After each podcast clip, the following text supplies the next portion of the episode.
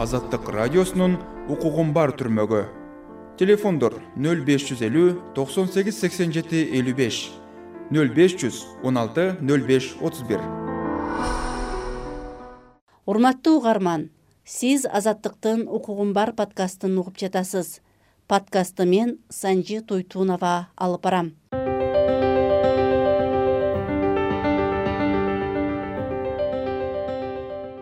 өткөн айда жарандык активист автандил жоробеков милицияга күбө катары сурак берип чыкты. Тергөө купуялуулугуна байланыштуу кайсы ишке күбө өтүп жатканы белгисиз. Биз бүгүн автандил жоробеков менен кеңири маек куруп интернеттеги пикир үчүн камакка алуу. Автандил сен ушу кечирим сурап кой видео кечирип туруп кой сени чыгарабыз деп. Мен айттым аларга деле мен идейный адаммын мен коркпоймун депчи коопсуздук кызматынын абагындагы күндөрүн. Мага биринчи эки үч күн мындай китеп бербей коет анан ошо укмкнын тергөө абагында баягындай жок экен положение смотрящий деп коебу андай жагынан жок экен. Кичине убакыт алмашып калат түнкү саат эки үчкө чейин уктабай жүрө бересиң. Мындай эртең менен ойгоно баштасам жанында спортзал бар. Ошолордун чукаганы баягындай свистогундай угулуп турат да. Саат он бирде турасың. Ошо жата берсең ар кандай жаман ойлор келе берет келе берет. Анан айла жок туруп гимнастика кыласың чай ичесиң китеп окуй эле жат дейм ошо активистти курчуткан жагдай жана анын күрөшүнүн мааниси эмнеде бул кыргызстандын элдин келечегин только элдин иштеш керек да кимди шайлайбыз деп. Көп акча таап каалаган шайлоону сатып алабыз деди. Саясатчылар да жомокторун токтотуп убадаларын кичине азайтып реалдуу убадаларын берип баштаса жергиликтүү башкаруу күчөсө ошондой эле жарандык активизм жана сөз эркиндиги тууралуу маектештик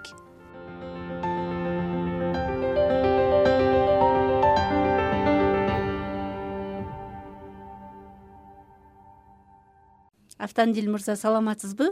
Сиз милицияга сурак берип чыктыңыз эми тергөө тууралуу ачык айтпоого кол коюп бергениңизди окудук жаңылыктан. Бирок мен сизден ага чейинки тагыраагы эки миң он тогузунчу жылы укмкнын тергөө абагында жаткан күндөрүңүз тууралуу сурагым келип атат да. Саламатсыздарбы угармандар? Эми башынан айтып келсем мага эки миң он тогузбу иш козголуп эки миң жыйырма үчүнчү жылы төрт жыл болуп калыптыр улуттар аралык диний катыктоо деген боюнча ошо иш козголду. Биз менен жүрүңүз деп. Мен болсо эч кандай каршылык көрсөтпөй макул деп алар менен укмкга барганмын. Барганда эми ушул айткан иш козголду. Азыр күбө катары өтүп жатасыңар суроолорго жооп бересиңер деди. Мен болсо эч кандай менин жактоочум жок эле адвокатым жок эле мен эч кандай баягы суроолоруна жооп бербей койдум. Кийин анан кайрадан ошол кагазды жыртып башка иш козголду деди. Күбө катары эмес айыптоочу катары өтөсүңөр деди. Айыпталуучу катары. Айыпталуучу айыпталуучу сүйлөйсүңөрбү деди мен болсо сүйлөбөйм дедим. Эч кандай суроолорго да жооп бербей койдум аты жөнүмдү деле айтпай койдум. Кийин жактоочум келгенде орусча айтканда анкетный данный ошо аты жөнүмдү баарын айтып бердим. Ошол анан байкаганда тергөөчүнүн ушу бетинен байкаган элем да куу өзгөрүп кеткен да. Ошо айтканда баягындай ойлогондой иштери кетпеди окшойт кийин мени ошо анан кийин укмкнын тергөө абагында эки күнгө камап койду. Кийин эки күндөн кийин кайра сотко алып барып ошо укмкнын тергөө абагында эки айга калтырган эле. Жаңылбасам сиз улуттук коопсуздук боюнча мамлекеттик комитеттин абагында бир он беш күндөй жаттыңыз э? Ооба. Ошол учурда сизге интернетте чагымчыл жана учурдагы өкмөттү жамандаган маалыматтарды жайылтып жапырт нааразылык акцияларын уюштурууга үндөгөн деген айып коюлуптур чын эле ошондой болду беле анан мындай айыптоонун артында кимдер турган деп ойлойсуз? Эми нарак барбай эле го неге эки миң он жетинчи жылы шайлоо өткөнүн баарыбыз билебиз эки миң он жети кандай плац шайлоо өткөн? Көп акча кетирген. Өтө көп акча кеткен бул шайлоогочу элдин үнүн уктурбай мамлекеттин телеканалдары бүт эле башка кандидаттарды жамандап бир эле кандидат иштеп өтө ыплас ыкмаларды колдонгон өтө колдонгон. Алдап акча сатып алып буга дагы органдар деле мамлекеттин органдары киришип башка талапкерлердин агитаторлорун кармап айлыктарды алса деле бул айлык айлык эмес бул добуш сатып алган деп алдап эми анда булар бир команда эле атамбаев жээнбеков болсо. Кийин маалымат жүргөндө кийин атамбаев менен жээнбеков урушуп кетти. Адашпасам ошо атамбаевдин адвокаты болуп калган нурбек токтокунов баягы тизме ону эле жаратып мындай таратып жүрген ким канча акча алган депчи ким канча акча алган деп таратып жүрген таблицадачы эми бул эми эч кандай далил жок. Ошондо адашпасам бир жыйырма төрт миллион доллардай булар таратыптыр да.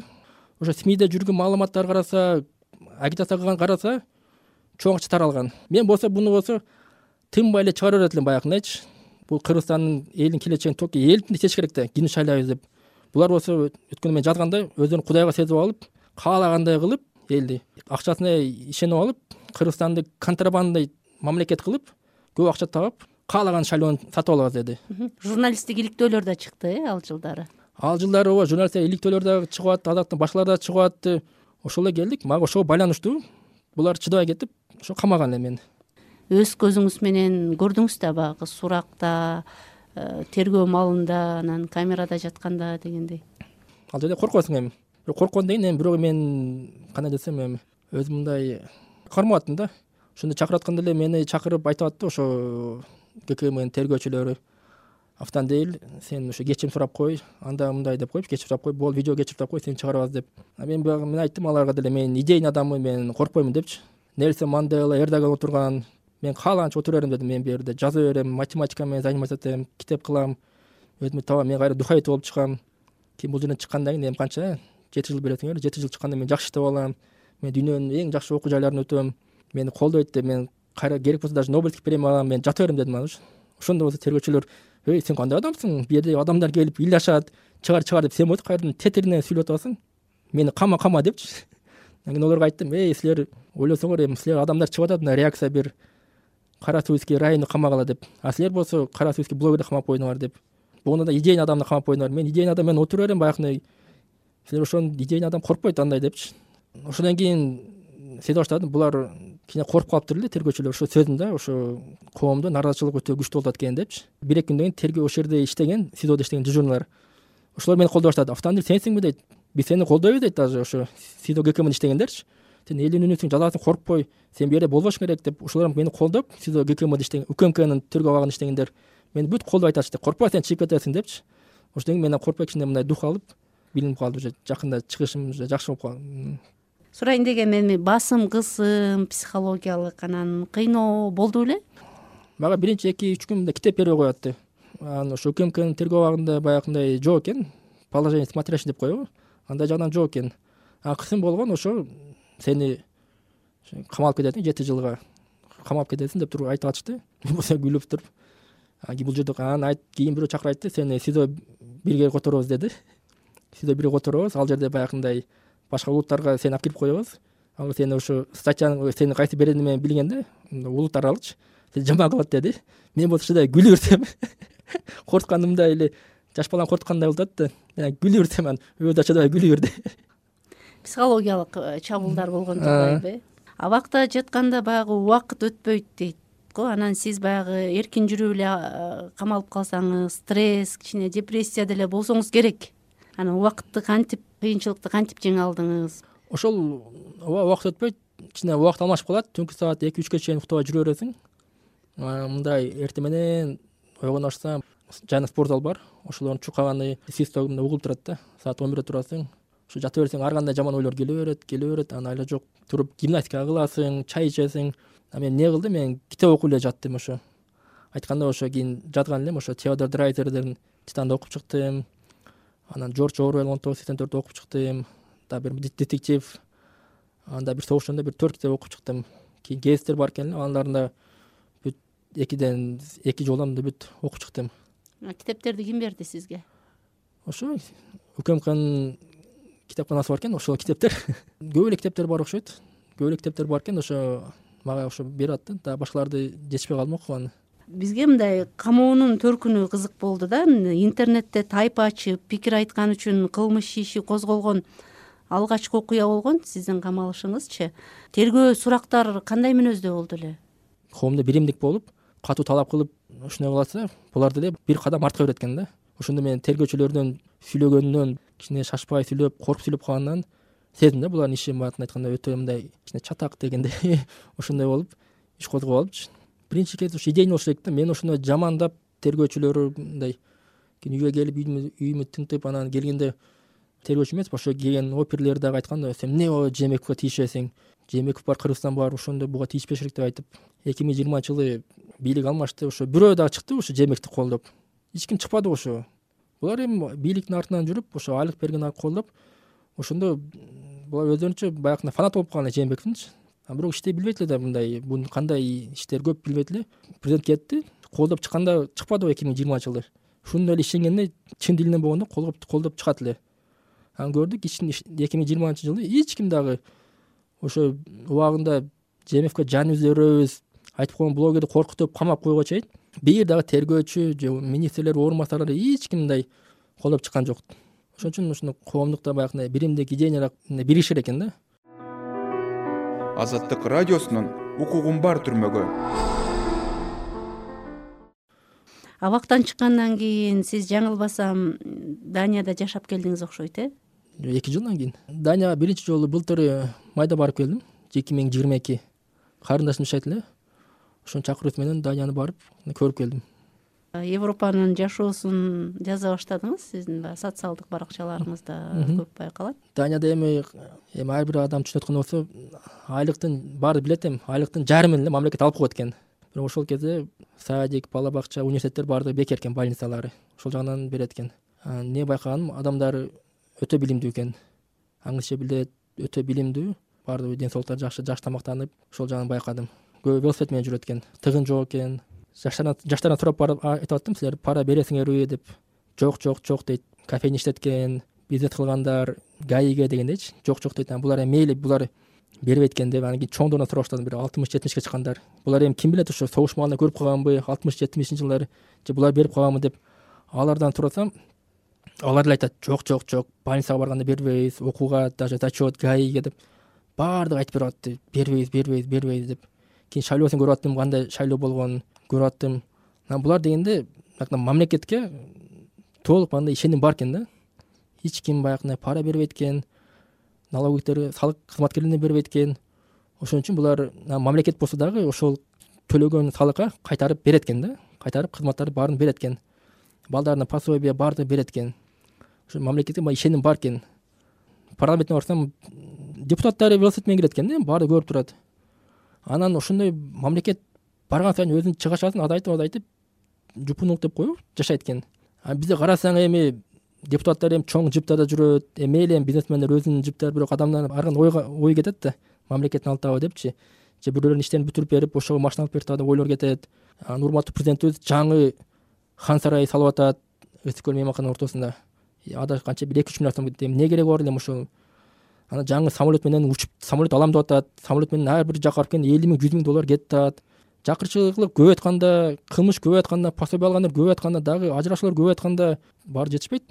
Мен сизди ойлопмун да ошол данияда барганыңызды көрүп э, баягы камалып чыккандан кийин саясий качкын болуп кеттиби башпана эге алдыбы деп деген ой келген да. Негизи өзүңүздө андай ой болгон жок беле?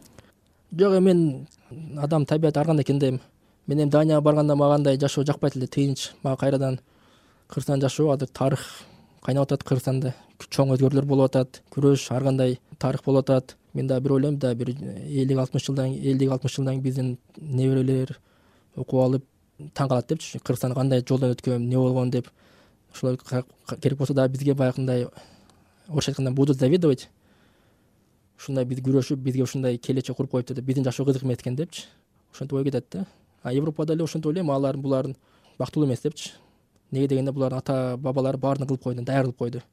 Ал ушо жашап жатат а биз эми мен ойлойм биз эми бактылуу адамбыз деп эмнеге дегенде биз азыр келечек муундун кичине бир фундаментин түптөп коюп атабыз.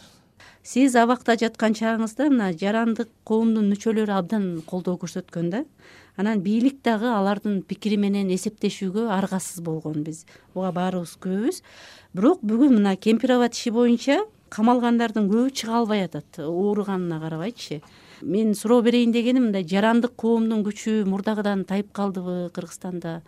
Сиздин байкооңуз кандай? Тарыхтарды мындай карап көрсөк кичине ар бир нерсенин бир циклдары болот экен да. Эми кыскача айтып көргөндө баарыбыз эле билебиз токсонунчу жылдары адамдар баардыгы эркиндик эгемендик азаттык деп жүргөн. Азыркы болсо мындай бизде коомдо өтө баягындай жаш көрүнүштөр көп коомдочу эл өзүн багып атат мурдагы салыштырмалуу адамдар кичине жакшыраак жашайт. Бирок анча мынча адамдар адамдардын жеке проблемаларын сайтка чейин аралаштырып жүрөт да. Бизде бийлик эми канча уже эки жарым эки жарым жыл болуп калыптыр. Эки жарым жыл. Адамдар болсо көбү элдер күнөө берет бирок э, адамдар күнөө берет бирок акыркы токсонунчу жылдан бери бизде канча жети алты жолу президенттик шайлоо болду. Жогорку кеңешке да бир алты жети беш алты жолу шайлоо болду. Местный кеңештерге адамдар шайлоого барып атат бирок мындай эчтеке өзгөрүш жок да анан адамдар азыр ойлоп атат азыр эми эмне бул кетсе булар кетсе ким келет деп эмне кылабыз деп көп ойлонуп кичине чарчагандай болуп ошо активдүү болбой атат да. Күчөтүп атып бийлик кеңинде өтө баягы башында айткандай чоң убадалар менен берген. Онун көбүн дагы аткара элек убадаларынчы бирок бизде конституцияда жазылган ар бир адам өзүнүн укугун коркпой ойнойсо болот. Ошого карабай булар эми бийлик башкаларга башкаларга сабак болсун дегендей сабак болсун деп баягындай камап салды ама көп адамдар айтат даже биз эми жадап коркпой жазып чыксак башка адамдар комментарий жазыштан коркот экен. Нравится басыштан коркот экен да. Өткөн жумада ушу жыйырма алтынчы мартта болсо керек дагы милицияга суракка чакырылып кирип чыктыңыз. Жекшемби күнү экенине карабай э? Жекшемби күнү сурак берип чыктыңыз. Анан э, сиз э, анын алдында айттыңыз ошо бул интернеттеги пикирлериме байланыштуу болушу мүмкүн депчи. Анан бизде бир суроо туулуп атат да негизи интернеттеги пикир үчүн кылмыш жоопкерчилигине тартууга болобу муну кантип түшүндүрсөк болот деген баягы Э, суроолор жаралды да коомчулуктачы? Мамлекет телеканал аркылуу баягындай ким сын айткандарды сындап атат. Булар батыштан алган батыштан алган акчаларды алтат кактус азаттык булардын максаты мамлекетти жок кылыш керек деп айтып коюп анан адамдар ишенип алат экен да мындай анча адамдар ишенип алып ал жагынан толук эркин журналисттерди же смилерди баягындай кылып атат да жамандап. Бул жакта деле башка активисттер алардын оюн укпаган башкача ою болгондор жазып чыкса эле по факту мына убадаңды аткардыңбы кана люстрация деп кана мына деп мындай чыксаң сындап айтсаң так эле команда берип бир болбогон шылтоо менен иш козгоп күбө катары кылып оозун жапканга аракет кылып атат да анан ошол э, сиз тергөөнүн тергөө сурактан чыккандан кийин э, баягы тергөө жөнүндө маалымат бербейм деп кол коюп берген экенсиз бирок жана келгенде айттыңыз го мурдагы эле статьяны коюп коюптур деп. Эки миң он тогузунчу жылдагы сизге аймак аралык кастыкты козутуу деген. Мен ошо мурда камала электе эле эки миң он тогузунчу жылга чейин мага көп колдоочулар барып ушу мамлекеттик каттоо кызматынан анча жазып калат эле. Ушу баракчама сага ушундай мамлекеттик органдардан ушундай кат келди деп автоне жоробековдун мүлкү барбы депчи. Бүт ошо мүлкүмдү текшерип жүрүптүр да бир тааныш бар эле ал бала ал министр депутат болгон. Ошол бала мага айтып калган эле сага машинаңы жазып жүрө сага машинамды сага жазып коеюнчу депчи. Бир эки бир жумага. Карасам ошо ошонун машинасы жүрөт анан атамдын машинасы жүрөт ошону бердик дейт кийин болсо анан соттон ошо иштеген соттон бирөө чалып калды секретарь. Сага ошо дагы орусча айтканда прослушкага. Уруксат бердик депчи. Айтып калган да мен ошо прослушкага уруксат бердик деп келди деген ошо катчы. Эми айтпай элем кайсы органдан ушинтип. Анан эми бул эми билинип калган эми. Булар караса ошо менин мүлкүмдү текшерип жүрүптүр мени угуп жүрүптүр. Кийин билбейм дипломду текшергенби болот темировди аскерий билет текшергенби тендерлерге бир текшергенби. Анан эч жактан баягындай илинчек. Эчтеке жок экен да. А мага айтканда ошо үч жүз отузунчу статья ошо берене дегеним ошол боюнча иш козголуп ошол иш менен эле тартууга мындай аракет кылып атат коркуткан чын эле ошондой кастыкты козуткан пикирлерди айттыңыз беле? Жок мен эч качан айткан эмес он тогуз жылы айткан эмесмин бул жакын эле айтпадым. Эми баары күлкүмүштүү эле да эми эч кандай башка эчтеке эч нерсе жок экен. Кандай эми коррупция жок тендер деген жок бийликти басып аткандар жок. Азыр ойлоп калдым ушу жакшы эле бир ошо кирсем болот эле ушу мэриягабы же министерствогабы жакшы кирбепмин депчи. Ал жака кирип коюп ким билет илешип калам мен даже ошо көрүп атат го азыр ошо атай бейшенбек башкаларга дагы ошо кичине илешип калсаң эле ошо иш козгоп коет экен бийликти басып алуу депчи. Адам укугун сактаган демократиялын аралчасы деген атыбызды сактаган жакшы мындай өнүгүүгө кадам таштаган мамлекет боло алабызбы? Кантип болушубуз керек да мындай? Саясат деген бул эми күрөш экен. Ар бир саясатчылар күрөш ар бир саясатчы бийликке келгенде аракет кылат да. Бир саясатчы айткан эле бул парламенттик башкаруу болбойт экен деп баласы атасын укпайт келини кайнесин укпайт депчи. Тиги мындай саясатты мындай бытовой жери мындай тиличке түшүрүп берген да ошо бүт үйүндө проблема болсо үйүндө көйгөйлөр болсо ошо парламенттерден депчи. Элдер болсо бүт анан кийин ошону ушуну көрө баштаган. Үйдөгү жеке проблемаларын берки жумушсуздук башына айтпай эле коеюн ошентип саясатчылар көтөрүп анан айткан өсөр элге дагы элдин башын айландырып өсөр элге бир бир башчы шордуу элге миң башчы деп адамдар муну угуп алып бүт анан кийин парламенттик болбойт экен парламентарий болбойт деп туруп болбойт деп туруп баардык президенттер айтып атышат мындай бир болсун депчи. Саясатчылар болсо буну кайрадан биринин артынан бири кайталап болбойт экен бул парламент болбойт деп туруктуулукка түшө турган жолу көз карандысыз мындай маалымат каражаттар болуш керек. Маалыматтар барып айтып туруш керек. Депутаттарга президенттерге убадаңы аткарбайсыңбы кана абада аткарбайсың деп убадаңы аткарбайсың деп туруп ошентип атака бериш керек. Кийин эмки бул башка саясатчы болгондо эмки президент болобу талапкер же депутат болобу бул башка мындай убада бериштен коркот да. Кичине мындай ойлонуп калат. Кой мындай жаман экен депчи мен ушундай болуп калса андан кийин адамдар ушу саясатчылар ушундай кичине смилер иштеп энтполор иштеп сындай берсе кийин саясатчылар дагы кичине мындай жомокторун токтотуп убадаларын кичине азайтып реалдуу убадаларын берип баштаса анан элдерге баягындай түшүндүрө баштаса жергиликтүү башкаруу күчөсө ошондо кичине азыр туруктуулук болот дейм да. Азыр эмнеге дегенде бизде азыр даже айылда региондордо баардыгы ушу келип өкмөткө айтат. Бир эле президент чечет президент чечет деп ушундай сезим пайда болуп атат баардыгын эле президент атат ошого кайрылайлык жолду кылып берсин мектеп куруп берсин деп баардыгы ушундай болуп калды азыр. Кичине парламенттердин болсо ушуну түшүндүрүп кой мына айыл өкмөт эле чечип койсо болот канал мындай мектептер садик мэрия чечип койсо болот жергиликтүү бюджет күчтүү болуп анан кийин ушундай системага кирсе э, булар деле бат эле мындай иштеп кетпейт кандай кемчиликтери болот бул системанын деле. Ушул багытта ойлойм мындай аракет кыла берсин. Урматтуу угарман сиз азаттыктын укугум бар подкастын уктуңуз. Подкастты мен санжи туйтунова алып бардым. Бүгүн биз жарандык активист автандил жоробеков менен жарандык активизм жана сөз эркиндиги тууралуу маектештик. Биздин подкасттарды сайтыбыздан apple жана google подкаст платформаларынан ютубтагы баракчабыздан уга аласыз. Көрүшкөнчө сак саламатта болуңуз. Азаттык радиосунун укугум бар түрмөгү. Телефондор нөл беш жүз элүү токсон сегиз сексен жети элүү беш нөл беш жүз он алты нөл беш отуз бир